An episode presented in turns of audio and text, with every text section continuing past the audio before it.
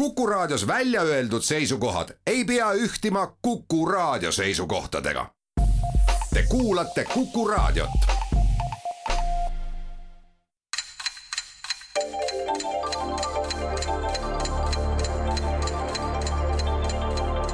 tarkade klubi tere taas, Kuku raadio Tarkade klubi tervitab häid kuulajaid ilma poolest mitte kõige lahkema lehekuu kolmandal laupäeval, kui üsna palju kohtab veel nõutust küsimuses, kas aknalaual sirguvad köögiviljad passib avamaale istutada ja kui, siis millist mehaanilist nutikust ja lisainvesteeringut see nõuab tolles üllas tegevuses ajal, mil sirguv noorsugu rakendab loovust ja nutikust küpsuseksamite edukasse realiseerimisse ja mõningase vastutusega põlvkond rakendab mõtet lahendustesse, mis säästaks neid jätkuvalt ehmatavatest energiaarvetest sel jahedal kevadel. see on raske ülesanne aga kergemaks ei saa hinnata ka pingutust, mida Tarkade klubi osalised on tegemas järgneva tunni jooksul, harutamaks lahti krüptilisemaid ja vähem krüptilisemaid küsimusi, mille saatejuht rõõmuga nende ette viskab, ei salga.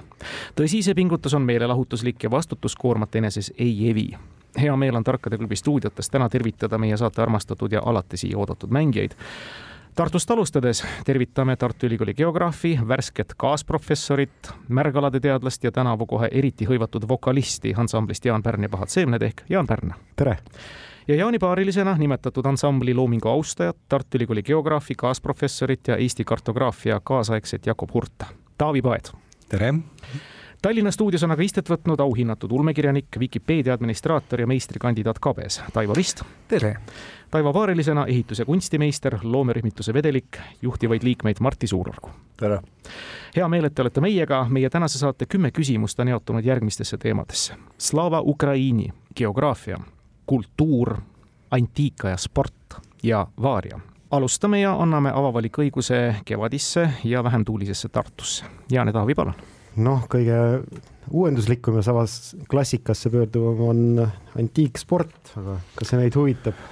No siis pead ise ära vastama, kui sa küsid seda vaatame, kas antiik on ju sinu peal. aga sport? no jah, ma võtan spordi ja sa võta antiik siis selge, need kaks ühes, antiika ja spordi küsimused on laenatud raamatust Tuhat olümpiaküsimust ja loomulikult autori nõusolekul ja heakskiidul. küsimus kõlab, millise spordiala harrastamiseks kasutati antiikolümpiamängudel ja teistelgi võistlustel antiikajal valbist? Seesama valbis oli kasutusel ka tuhande kaheksasaja üheksakümne kuuenda aasta Ateena olümpiamängudel ja ka tuhande üheksasaja kuuenda aasta Ateena vahemängudel. Tegemist on spordialaga, mis Eestilegi on olümpiavõidu toonud, küll kaasaegsetel olümpiamängudel ja ilma valbiseta ahah, muidu seal oli huvitavaid äh, vahendeid küll, ma tean, äh, kaugushüppes olid näiteks käsikud, raskused käe otsas, mis, äh, mis aitasid kaugemale, aga kaugushüppes meil olümpiavõit ju puudub, kui, kui mitte arvestada koos ülejäänud kümnevõistluse aladega, aga noh, antiikaladest, milles on kuld, on ju kettaheide, päris müüroni kettaheitja kujult nagu nagu ei, ei, ei tule ette mingid muud vahendid peale ketta.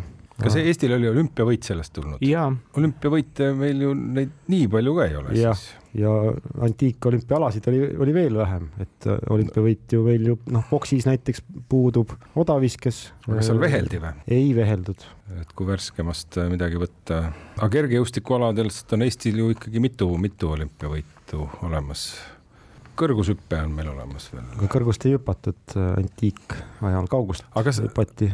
Aga kas nad peavad olema, äkki on mingi trikk veel, et nad ei ole nagu seesama ala üldse noh, et lihtsalt see vahend nagu kuidagi. ei, sama ala ikka, sellel alal on meil olümpiavõit. ja just, trikki siin ei ole. pakume ikka kettaheide õige vastus, tõepoolest, see on kettaheide ja kui sa ütled, et müüroni puhul pole midagi muud peale ketta, ikka on, vaata see alus, kus ta seisab.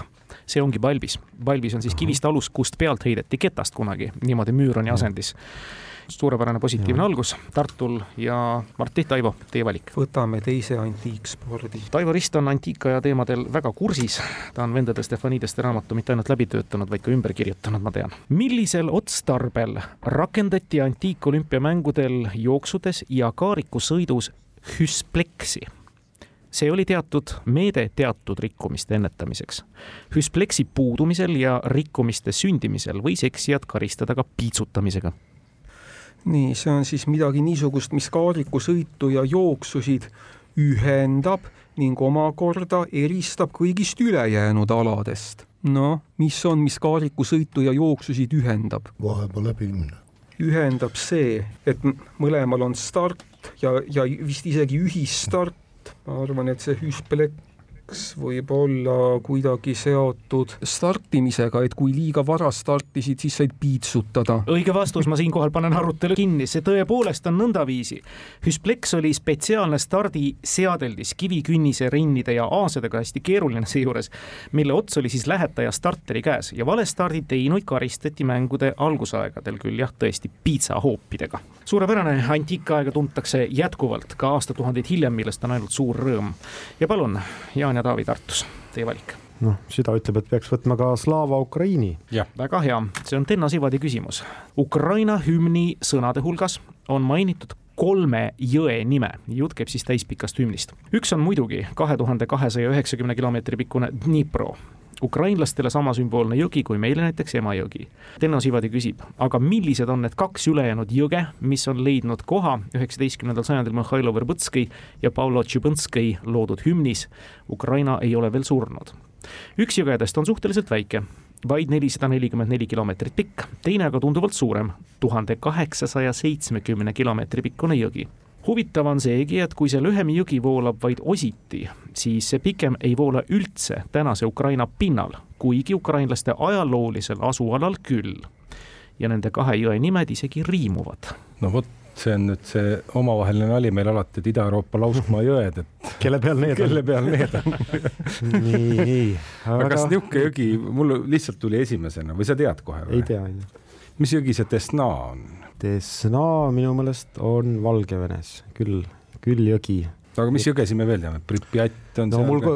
kohe noh, tähendab teine suuruselt teine jõgi, noh, Valg-, Valgla suuruselt peaks olema Dnester, mis, mis on nagu tähtis jõgi aga.... oot-oot-oot, aga tuhat kaheksasada seitsekümmend, ei no Donau on ikka palju pikem, eks ju. Donau on jah, pikem kui tuhat kakssada seitsekümmend, jah tuhat kaheksasada seitsekümmend oli vist isegi mm. -hmm. tuhat kaheksasada seitsekümmend ja lühem on siis neli, neli, neli toona, kui pikk on, ei tea jah, võib-olla Ukraina ju, ju tegelikult ulatubki Donau deltasse välja. ei no ma mõtlengi, et see äkki ikkagi, noh, et selles mõttes, et see on ju, et, et noh, siit-sinnani, noh, kas tunned maad, mis Peipsi rannalt käib äh, Läänemere? nojah, see oot-oot, tuhat kaheksasada seitsekümmend Saksamaalt algab, aga äkki ei ole võib, pikem? võib-olla küll jah, kaks tuhat kilomeetrit Euroopas on ju täitsa pooltee Euroopasse, noh siit äh, Varssavisse on ei no vaevalt, et teiselt poolt äh, Volgat, Volga oleks, et näiteks selle. aga seal on, mulle tuli pähe küll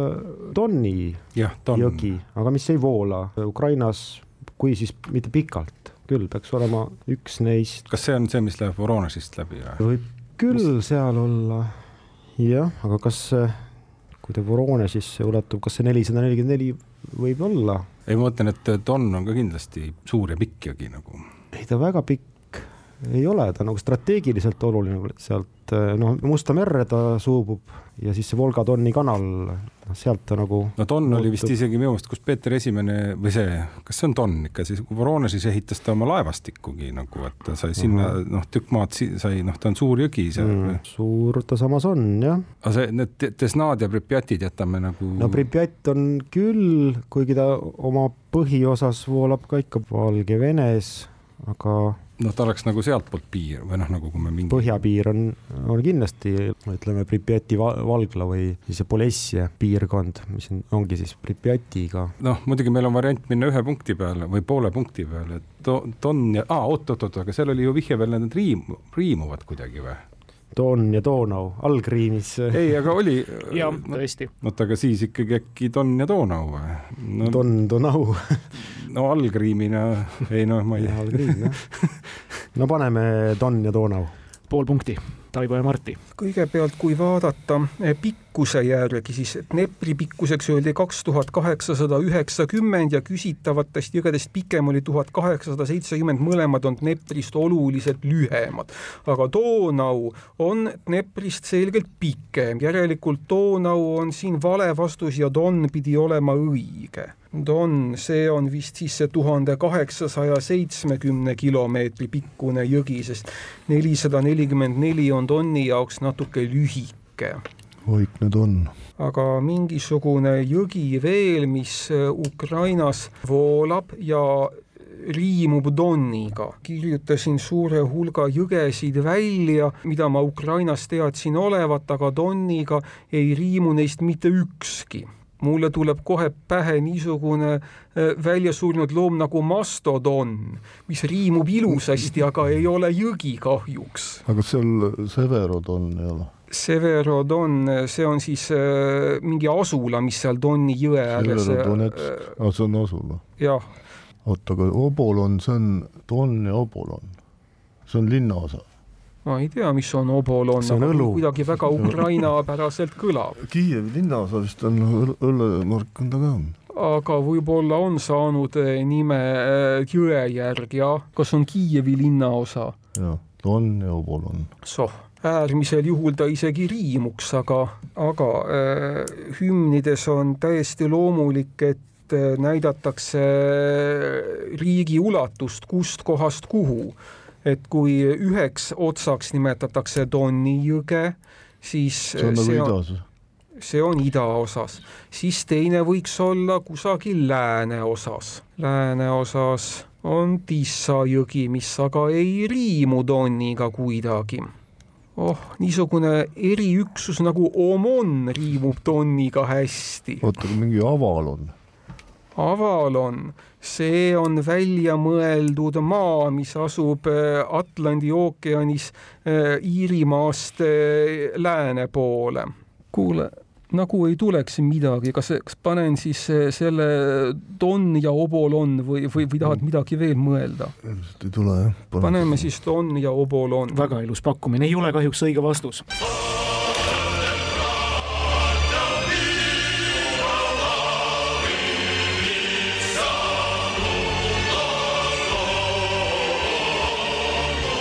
tõepoolest üks jõgi oli Don, aga teine ehk siis lääne pool on selleks San, mille lätted on siis Ukraina Karpaatides, kuid mis suubub Vislasse juba Poolas ja idas, nagu öeldud, on selleks Don, mis praegu voolab siis täiesti Venemaa piirides. kuigi selle suurim lisajõgi ehk siis Dinets voolab peaaegu täielikult tänases Ukrainas. sõnad olid siis seiskem vennad verises lahingus, Sannist kuni Donini, loogika oli õige, on vaja siis terve riigi ulatust näidata aga ma pean ütlema, et seda küsimuse arutelu kuulates kõik te olete Ida-Euroopa lauskmaa jõgede spetsialistid ja võite enda peale võtta edaspidistes mälumängudes. palun, Taivo Marti, teie valik. mis sulle meeldib? ma ei tea, võtame teise Ukraina. neliteist aastat tagasi, maikuus kaks tuhat kaheksa korraldati Ukraina televaatajate hulgas hääletus kõigi aegade silmapaistvamate ukrainlaste kindlaks tegemiseks esikoha pälvis eestlaste hulgas vastakaid tundeid tekitav mees Jaroslav Tark seesama, kes aastal tuhat kolmkümmend esimeseks Vene okupandiks meie maal osutus. teisele kohale tõusis akadeemik Amossov, kolmandale Stepan Bandera, neljandale Taras Ševtšenko, viiendale Bogdan Hmelnõtskõi. kuuenda positsiooni hõivas aga üks väljapaistev sportlane ja veel väljapaistvam treener, kes kõik vastavas veel jätkuvas nimekirjas figureerijad olid küsitluse ajaks siit ilmast juba lahkunud. nii, kas see oli Valeri Lobanovski. no sisuliselt välk vastus, nii ongi. Ja Ukraina silmapaistvate treenerite suurepärane tundja Taivo Rist toob oma võistkonnale siit teise punkti. Oh..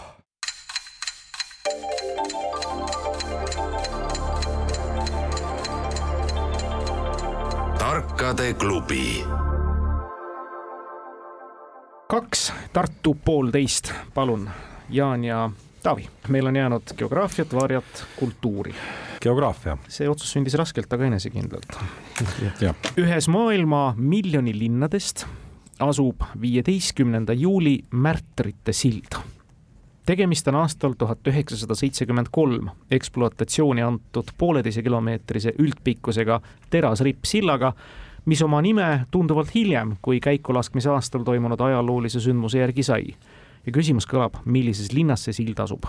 viieteistkümnenda juuli märtrite sild. ühesõnaga kuskil toimus midagi viisteist juuli. poolteist uh. -huh. selliseid sildu ka väga palju võib-olla ei ole. seda küll jah, päris pikk. no kus me, ma jääks kuidagi ikkagi Euroopasse jääks, et viisteist juuli mingil aastal näiteks mul läks mõte Balkani sõdade peale või kuskile, aga noh, see võib ka Tšernobõliga ei saa seot-, teostada siis või, või noh, ja muidugi see võib ka Euroopast väljas olla, ega seal, aga poolteist kilomeetrit silda. noh, samas tõesti Jugoslaaviast äh, voolas läbi Donau ja noh, praegu voolab siis äh, ju Horvaatiast äh, näiteks, kus poolteist kilomeetrit on vist tavaline laius no aga tõesti jah, märtrid. aga miljoni linn, aga miljoni linn, kas Jugoslaavias on üldse mõni miljoni linn ikka Belgrad äh, ja äkki Zagreb ka, Sarajevo kohta enam ei ole nii kindel. aga võib-olla me otsime hoopis kuskil, ma ei tea, mis seal Iirimaa ja mingi IRA. ei, seal pole jõgesid selliseid, noh, võib-olla siis merelahe no,, üle merelahe jah ja. ja.. viisteist juuli, juuli, Sunday Bloody Sunday näiteks. aga võib ka, aga see võib ka Baskid ja kuskil, aga märtrite, see võiks olla ikkagi midagi sellist, sellist, et ta on, et praegusel hetkel ta nagu lääne-euroopalikus mõttes on ta ikkagi tõesti nagu sümbolsild nagu, et, keegi midagi kaitses veel midagi. jaa, tegelikult ei tea. tegelikult ei tea, õige vastus on ikka ei tea. ma ei tea, kas me vormistamegi ei teana, meil ei ole isegi ühtegi head miljoni linna nime pakkuda. nojah, need Zagreb ja, ja Belgrad vist ei ole Donau ääres ja, ja siis. ei no seal võib see sild olla ka mingi üle mingi suure oru kuskilt. jah, dinaarides aga vaatame, kas, mis Timo ütleb, jääme ütlema, et see on üks sild äh,. endises Jugoslaavias. endises Jugoslaavias. vaata, kui kena. no oleks võinud jääda selle saare naise võrkpalluri ei tea juurde, ei ole kahjuks õige vastus, kuna ta ühtegi linna ka ei nimetanud, nii. nojah. Martti Taivo. no endise Jugoslaavia võib nüüd välja jätta sealt ei tule midagi ja ma mõtlesin, et kui see sild asuks Ukrainas, siis ta asuks teema, teemas Slava Ukraini. nii et eh, minu meelest võib ka Ukraina välja jätta. märtrid, mis? ma ei ole üldse kindel, et see on Euroopas, maailmas on ju väga palju kohti, kus on märtreid, ainult ma mõtlesin, et Vietnami sõda ei saa, ei tahaks nagu päris hästi pakkuda, sest Hanoi linnas ei olnud märtreid ja äh, Ho Chi Minhis ehk Saigonis ei toimunud jälle viieteistkümnendal juulil lahinguid, seal oli esimeseks maiks asi läbi, nii et äh, Vietnami võib ka kõrvale jätta. märtrid katolik usk. kuule, igas usus on märtrid, islamis on ka märtreid küll. peale selle need märtrid ei pea olema üldse usuga seotud, need võivad olla ka märtrid, kes vabaduse eest võitlevad. ja mul on tunne, et pigem ongi tegemist mingi vabaduse eest võitlejatega. või kui eh, näiteks islamit vaadata, siis eh, seal Palestiinas on neid märtreid karjakaupa, ainult seal ei ole jälle suuri jõgesid, kuhu poolteise kilomeetrist silda ehitada, kus on siis veel kõvasti märtreid olnud. aga vaata, Ameerikas ei ole pärast seitsmekümne kolmandat aastat neid suuri relvakokkupõrkeid justkui olnud ma ei näe Ameerikast ühtegi riiki, kuhu äh, niisuguse nimega siilde paigutada. mingit möllu seal toimus Nicaraguas, mingi kaheksakümnendad. no toimus jah, aga tead, Nicaraguas ei ole jällegi väga suuri jõgesid. üle järve? Managua järv on aga ma ei taha Managua järve pakkuda. muide, on täiesti võimalik, et Managua järve ja ookeani ühendab Managua jõgi, aga ma ei taha ikkagi see, seda pakkuda. peale selle küsitakse mitte jõge, vaid linna. ma ei ole kindel, kas Nicaraguas üldse on mõni miljoni linn. miljoni linn ikkagi tuleb jah, meeles pidada. et Aafrikas neid miljoni linnasid jagub ja eks seal mingeid relvakokkupõrkeid ka ole, aga mida sellega peale hakata? siis tuleb leida sealt mingi jõgi ka. eks jõgesid ka Aafrikas ole. ei no niisugune laiem ja suurem. aga küsitakse ikkagi miljoni linna. no ennem jõgi, siis linn. mis seal Niilus. on? Niilus aga Niiluses, Niiluse ääres ei ole väga märtreid olnud. siis on Kongo, Kongo jõgi või mis ta on? kuid ma kahtlustan, et poolteist kilomeetrit on Kongo jõe jaoks liiga vähe. Kongo jõe sillad peaks nagu pikemad olema. Limpopo jõgi Lõuna-Aafrikas. jõgi on olemas, aga ma ei tea, Limpopo jõe ääres miljoni linna. see on Lõuna-Aafrika piirijõgi. ma arvan, et Limpopo võime kõrvale jätta. Nii, aga kui me Aasiat vaatame Iraagist on, on muidugi Bagdadi eh, linn, mis, eh, kust voolab läbi, kumb see nüüd oli, Eufrat või Tigris, jõge õnneks ei küsita. Bagdadisse võiks ehitada poolteise kilomeetri pikkuse silla ja eks seal märtreid ka ole. märtrite suhtes on sul õigus, jah. pakume siis äh, selle Bagdadi. ei ole kahjuks õige vastus ja rändasite mööda valesid radu ja mööda valesid geograafilisi objekte peamiselt. me ei räägi üldse Jõesillast, me räägime sillast üle väina, täpsemalt siis üle Bosporuse väina, see linn on Istanbul. üks mitmest antud metropoli sillast ja nime sai ta viieteistkümnendal juulil kaks tuhat kuusteist Türgis aset leidnud Recep Tayyip Erdogani vastase putši katse ohvrite mälestuseks. selline teadmine ilmselt lisandub paljudele siit. jah, ma ei teadnudki, et Türgis on äh, neid märtreid olnud. Lähme edasi poole mängu peal, Tallinn kaks, Tartu poolteist. Teil kord on valida, Taivo ja Martin. no teine geograafia siis ja tuleme natukene lähemale. Vetepere ja Müüsleri külad asuvad ühes ja samas maakonnas ning mõne aasta taguse haldusreformi järel ka ühes ja samas vallas, mille nimi vastava maakonna omaga kattub. Nendel kahel külal on aga veel üks spetsiifiline ühisnimetaja ja me küsime, milline? oot, oot, äh, äh, samas vallas, mille nimi kattub, kattub maakonna nimega. mille nimi kattub maakonna nimega. aga nendel kahel külal on veel üks spetsiifiline ühisnimetaja ja milline? No nii, Martti, missuguse valla nimi kattub maakonna nimega? see on Järva vald. vot nii, Järva vald. Järvamaa. nii. see, mis, mis need külad need olid? Vetepere ja Müüsleri. see Müüsleri külas on, see on nende kilplaste teemapark. nii, nii ja Vetepere peaks olema siis, kus Tammsaare maad. suurepärased kultuuriloolised teadmised, täpselt nii, need on kirjandustegelastega seotud külad. Veteperes on siis Tammsaare muuseum Vargamäel, Müüsleris kilplaste teemapark Kilplala. tõesti, Järva maakond, Järva vald, varem siis olid nad vastavalt Albu ja Kareda vallas. suurepärane teadmine, mitte Tartu, Tartu suune pealt seda teadnud ka. jah väga hea, me läheme hoogsalt edasi, neli küsimust on lõpuni meil minna, kultuuriavaariat ja Taavi-Jaan, emba-kumba. ikkagi kultuursed oleme. ja, ja teie hea kaaslinlane Tarmo Niinep on selle küsimuse meile saatnud. neljakümne aasta taguse Falklandi sõja aegu sai HMS Sheffield Argentiina torpeedolt löögi ja läks põlema. kahjustuse ja tulekahju tõttu läks alus põhja, olles seega esimene Briti sõjalaev, mis läks põhja pärast teist maailmasõda kolmesajast meremehest said kakskümmend surma ja kakskümmend kuus haavata ja kuna laeva ei õnnestunud päästa, otsustati see ellujäänute poolt hüljata ja meres moodustati inimkett. ja selleks, et seal siis ellujäänuid paremini hallata, otsustati teha midagi, mille keskmes oli miski, mis pärines ühest tuhande üheksasaja seitsmekümne üheksandal aastal Terry Jonesi lavastatud filmist. ja küsimus kõlab, mida tegid Briti meremehed ühtses inimketis olles ja jälgides, kuidas nende laev vaikselt põhja vajub mis see oli, Terry Jonesi lavastatud film? jaa, seitsekümmend üheksa. Mhm. mis nad olid vees? ja nad olid vees, moodustasid inimketi. pääste, päästevestid ümber ja moodustasid mingi.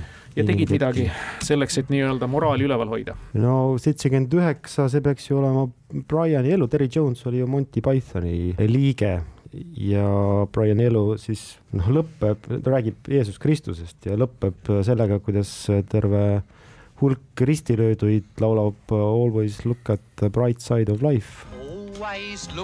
et tuleks, tuleks muld, muld pähe õigesti tuleb. täpselt nii, see on Briani elust pärit laul Always look on the bright side of life, mida siis need Briti ilmselgelt huumorimeelega meremehed oma laeva uppumist põhja nägid. kaks pool Tartu ja kolm Tallinn, me jätkame üsna pingelises seisus ja Martti Taivo, teie valik. aga kas võtame teise kultuuri? kultuursed inimesed kõik ja Martti seda ka siis suurepäraselt geograafia teadmistega kombineeris. aga teine kultuuri küsimus. milline mälumänguritele südamelähedane fraas on Indias tuntud kui kaun banega krorepati kuigi küsitav juba iseenesest kultuurivaldkonda kuulub, sai antud lause ometi aastal kaks tuhat kaheksa veel ühes teiseski kontekstis kultuuris tuntuks ja hinnatuks. kaun panega krorepati. ma ei tea, kui palju te nüüd india keelt mõistate, et seda ümber tõlkida. kas india keel on olemas? Hindi keel on Hindi olemas. keel, vabandust, jah, hindi keel. aga see ei aita. mis see oli, kaun panega prarepati, krorepati esimene täht ka, krorepati, C-tähega. mm. -hmm. mälumänguritele südamelähedane fraas.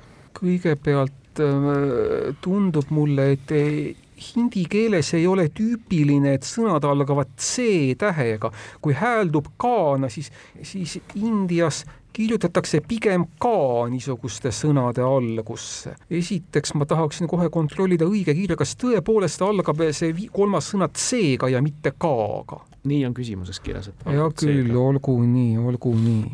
nii, ja kaks tuhat kaheksa sai kultuuris tuntuks ja hinnatuks. ja hinnatuks. mis seal kaks tuhat kaheksa toimus, Pekingi suveolümpia, aga see Indiat väga ei puuduta. aga mälumänguritele fraas. rääkimine hõbe, vaikimine kuld. raadiosaatesse ei päde. jah, raadiosaates see ei päde. Ma ei tea, mis seal kaks tuhat kaheksa võis toimuda. ka tükimat aega tagasi.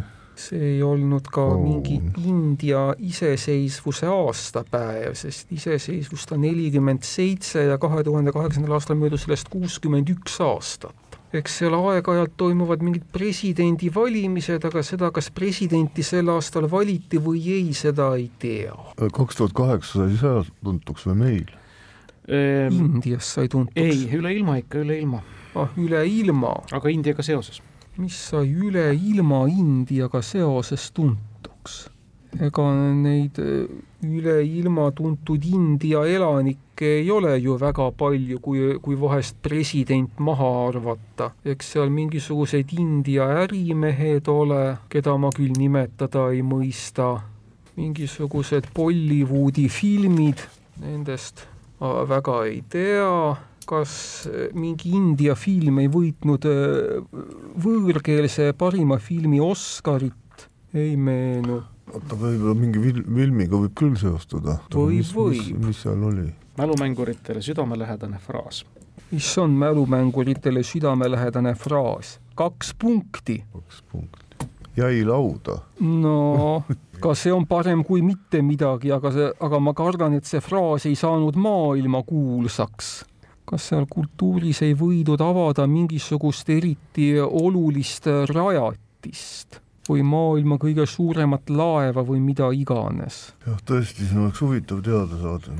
usupühad on seal igal aastal, kui poliitika välja jätta, sport kah, kas kahe tuhande kaheksandal aastal võis äh, mingisugune kuulsuse abielluda kellegi hinduga? muide, Dalai-laama ju elab Indias aga ta elab Indias pärast seda, kui, kui Tiibet ära vallutati, nii et juba palju aastakümneid ja kahe tuhande kaheksandal aastal ei olnud vist ka Dalai-laama elus midagi eriskummalist. Nobeli rahupreemiat ta vist ei ole saanud. Dalai-laama? jah, ma arvan, et on vist ikka. on saanud, aga äkki Dalai-laama sai sel aastal Nobeli rahupreemia? aga mis see siis mälumänguritele see lause? kust mina tean, kuldmuna, soolo vastus. seda, aa, küsitakse ikkagi fraasi lõppude lõpuks. ei, mis seal vaja on? fraasi jah, fraasi küsitakse. kaun. kaun, pane ka Krorepati. krorepati. ei, siit ei tule ka mitte midagi. Kas me siis üldse pakume midagi, kui, kui me ei oska fraasi välja mõelda? no jah, ega ei oska midagi pakkuda tõesti siis. jääb siis vastamata. kahjuks nii. ja Tartu. me ikka lootsime Tallinn teie peale, et ikkagi midagi söödate ette ja korra ütlesite, et kust mina tean ja kui mõtlesin, et äkki Timo ütleb, et õige. ja aga nagu mälumängus tõesti, mis neid löök. no Tallinn läks hindi keele peale, aga me nii kõvad mehed ei Jah, ole, et, et keele kallale läheks. no aga midagi, et kes keda oli legendaarne, kes teab, see teab. kes.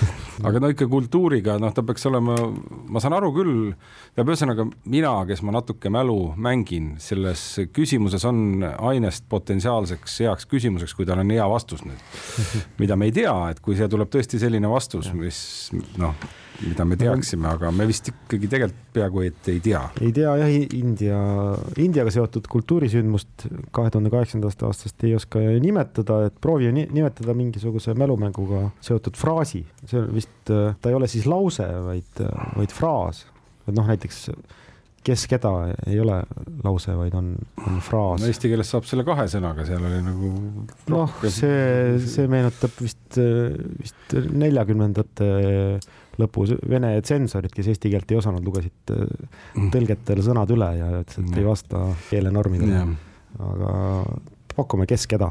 et teate, kui lähedal te tegelikult olite? punkti siit ei tule küll. vastus on, kes tahab saada miljonäriks. vastav mäng oli kaheksa Oscariga pärjatud filmi Rentsli miljonär süžees võtmetähendusega. oli seesugune, mis rääkis siis Indias ootamatult läbi mälumängu miljonäriks saanud tegelasest. nii et seesugune fraas, mille küsija on hinnanud mälumänguritele südamelähedaseks.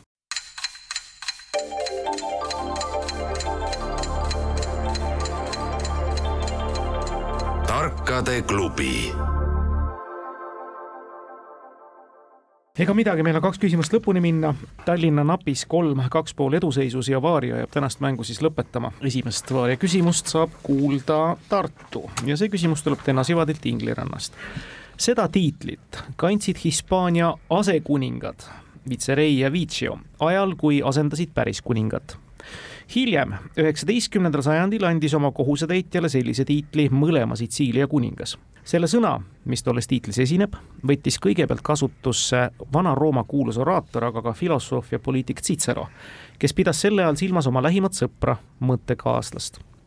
mõnede ajaloolaste arvates võttis selle nimetuse juba kaks sajandit enne Cicerot kasutusse Vana-Kreeka filosoof Zenon Kitsionist. ja kuidas kõlab see tiitel?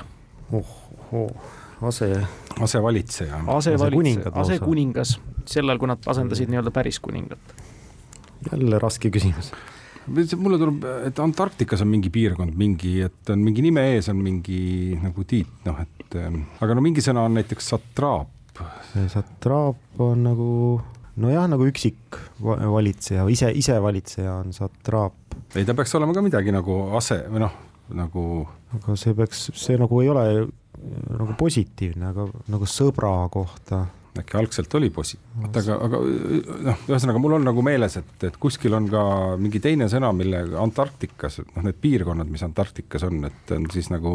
no kuninganna maa. jah, aga selle kuninganna asemel on mm. mingis kohas või, või oli see kuskil, no ühesõnaga kuskil polaaraladel on selle kuninganna sõna asemel on noh, on nimi, aga nime ees on mingi, aga vot see, see ei tule meelde no mis, mida tähendab duce näit-, näiteks või midagi laiemat, mis on siis paljudes kultuurides kasutusel, sest et siin nagu vihjed olid ikkagi Hispaania ja Rooma. aga nojah, eks ta otsapidi läheb Roomasse, ma ei tea, kui paremat vist kohe ei tule, siis paneme duce. ei ole kahjuks duce. mis pakkumine on Tallinnal? ei ole esialgu pakkumist. aga mis tegelikult on niisugune nimetuse all nagu major Toomus on? major Toomus, see sõna tuleb Frangi riigist mingil kuuendal-seitsmendal sajandil, kus ta jah, tähendas mingisugust äh, lossivalitsejat või, või midagi niisugust et jah, ta sisuliselt vastab enam-vähem nendele tingimustele, ainult küsimuses ei ole Frangi riigist ja üldse Prantsusmaast midagi mainitud, selle asemel on vihjed Hispaaniale ja antiikajale major. see sõna tähendab ladina keeles suur. suur, toom. Domo, domus. jumalus ei ole või? ei, ei domini. Domini, see, see on pigem issand aganti, aga, aga, aga jumal on deus ega jumala sõna ei, ei tasu siit otsida, vaevalt et Cicero oma parimat sõpra jumalaks nimetas. okei okay,, major Toomus on siiski enam-vähem pakkumine aga mul on tunne, et see ei ole vist õige. võitluskaaslaste. kas, kas mäletan õigesti, et Hispaania asekuningad kasutasid seda ajal, mil nad asendasid kuningat? just. ahah, see on siis jah, ajal, mil nad olid asekuningad, sest sel ajal nad just kuningat oma kohas äh, asendasidki. kamraad. mul käis kamraad peast läbi, aga see ei ole vist see. Äh, kuidas need Kuubas ja seal need revolutsionäärid üksteist kutsusid, võib-olla kuskilt sealt tuleb midagi? mingit pidi kamraadideks vist üksteist kutsusid mul praegu ei tule sõna meelde, aga mis selle mõlema Sitsiilia kuninga kohta oli? oma kohusetäitjale andis ka mõlema Sitsiilia kuningas sellise nime. ahah, kohusetäitja võiks muidugi olla regent, see ka sisult enam-vähem klapib. regent tuleb sõnast rex, mis tähendab ladina keeles kuningat. ma ei ole päris kindel, et Cicer niisuguse sõnaga oma lähimat sõpra ja võitluskaaslast silmas pidas kas on olemas mingisugune ammu kasutatav üldsõna sõbra kohta, et selles mõttes kamraad nagu enam-vähem kõlbaks, aga võib-olla on veel mingisugune Camarado mm -mm. võib-olla on veel mingisugune üldsõna sõbra kohta. imperaatoriks ei saa teda panna. no mis nad pakkusid seal, tuutse? Ei ole. Duce, see on seotud sõnaga eh, duke, eh, mis inglise keeles tähendab hertsogit, prints. prints tuleb vist saksa keelest. see ei lähe vist ladina keelde välja, see sõna. fürst, see on ka saksakeelne sõna, mingi markii, markii on ka pärit Prantsusmaalt, Karl Suure ajast Karl Suur vist esimesena äh, lõi need markiid, see ei ole antiikajast pärit oota, sõna. Hispaania, Hidalgo. Hidalgo on rüütel, see on mingisugune alamrüütli tiitel või alamaadli tiitel. Donniga midagi. Don on isand või härra vaikne Don. Don, te juba vastasite ühele küsimusele. seda juba vastasime ja loeti isegi õigeks, aga punkte ei saanud. aga senior või sen-. Padre, ei see on isa. Padre on isa. Senior võib ka, äkki see senior ongi? hea küll, pakume selle seniori ära ei ole kahjuks ja jällegi tegemist on väga tuntud väljendiga, aga mitte ükski nimetatutest, mis oleks ka väga hästi sobinud loomulikult, see väljend on alter ego, teine mina, mida sobib ka sõbra kohta kindlasti öelda ja oma asetäitja kohta samuti. viimane küsimus ja see saab esmalt kõlama siis Tallinnale, Martti ja Taivo. nimetage kuriteoliik, mille puhul kuriteo toimepanekuga vahetult seotud sündmuses või sündmustes ükski osapool pole kannatanu Eesti karistusseadustiku eriosas on vastavaid süütegusid seitsmeteistkümnendas peatükis käsitletud paragrahvides kakssada üheksakümmend neli kuni kolmsada. me küsime niisiis tervet selliselt iseloomustavat kuriteoliiki, mitte võimalikke üksikuid sama nimetaja alla kuuluvaid tegusid erinevatest liikidest. kuriteoliik, kus ükski osapool ei ole kannatanu mismoodi on võimalik toime panna niisugust kuritegu, kus ükski osapool pole kannatanu? kas siin on mõeldud midagi niisugust nagu äh, homoseksuaalne seks, mis on äh, mõnes riigis kuriteoga karistatav, aga kui see toimub kahe inimese nõusolekul, siis ükski pool ei ole tegelikult kannatanu Eesti karistusseadustikku on ka siin mainitud. jaa, ma tean, et Eestis ei ole see karistatav, aga noh, mingisugune, mingisuguse analoogiaga tuleks kusagilt pihta hakata. Missugune kuritegu on see, kus ükski osapool pole kannatanu? kui on näiteks valeraha tegemine, siis see, kes valeraha tegi, see, see ei kannatanud, kannatab sellisel juhul riik arvad, et nii on? ma ei tea, võib-olla. kannatab ju, vahele jääb ju see, kes seda kasutas ju. nojah, jah, see on tõsi, see on tõsi. ja riik. et Kohe. see, kes äh, vale raha heauskselt äh, levitab ja vahele jääb, see kannatab. kuid siin on tervelt seitse paragrahvi missugused kuriteod on veel, kus ükski osapool ei ole kannatanu? spionaaž, et see spioon võetakse kinni, aga spionaaži vist ei, vist ei saa pakkuda. kaudne. aga Kaud. Ütleme nii, et enesetapu juures ükski osapool ei ole vist kannatanu, aga see ei ole ka kuriteoliik. no see, kes enesetapu tegi, see on ju ikkagi kannatanu no ta on äh, surnud, tema üle ei saa kohut mõista, eks ole. peale selle, kui, kui ta seda teadlikult tegi, siis on kahtlane, kas ta ikka äh, on kannatanud. ja terve kuritegude rühm on see.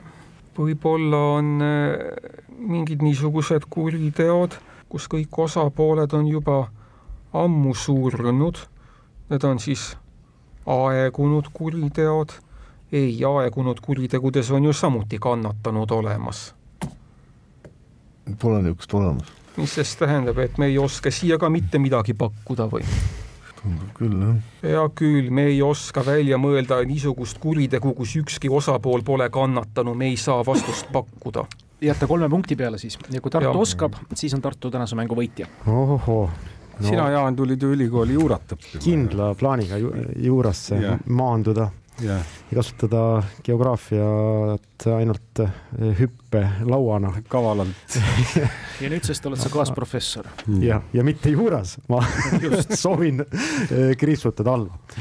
Aga no oma pool, pool õppeaastat juurateadmisi ma üritan siin välja kraapida, kuigi va- vahepeal on sel ajal, kui mina juurat õppisin, oli veel kriminaalkoodeks Eestis ja nüüd on juba see hoopis karistusseadustik, nii et ma ei saa kuidagi olla seda õppinud, aga aga kui me nüüd õigel rajal oleme Taaviga, siis me oskasime nagu mitut nimetada, kus nii-öelda rangelt võttes äh, vähemalt ühtegi inimkannatanut otseselt äh, ei ole, noh näiteks ma ei tea, kas on äh, paragrahv või terve peatükk äh, keskkonnareostuse tekitamise kohta, et kindlasti on et saab inimene ka kahju muidugi, aga kui niiviisi jah, rangelt võtta, siis nagu no loodus kui saab lasen lasen mürki, jõe mürki täis ilma ke- vee erikasutusloata, võib-olla ükski inimene ei pruugi kannatada ja ta võib kannatada muidugi, aga noh. okei okay,, aga no vai- vaieldav äh, ikkagi on, aga no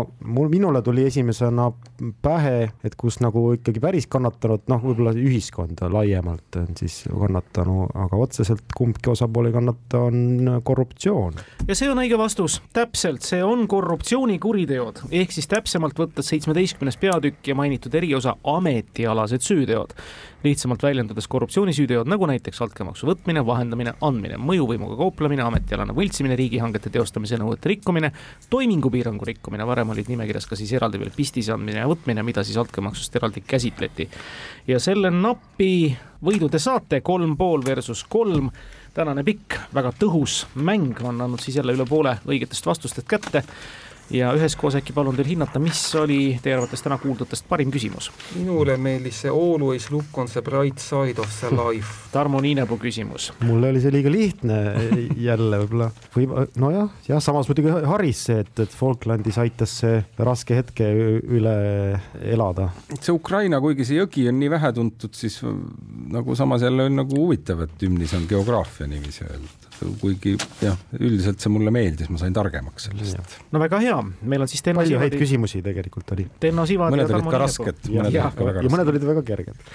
ta on Tenno Sivadi ja Tarmo Niinepuu, kes selle saate hetkel peaks olema siis äh, siilil minu teada, on tänase parima küsimuse auhinna välja teeninud. aitäh teile, Jaan Taavi Tartusse, aitäh, Martti Taivo siia Tallinnasse, kena kevade jätku ja uute kuulmisteni.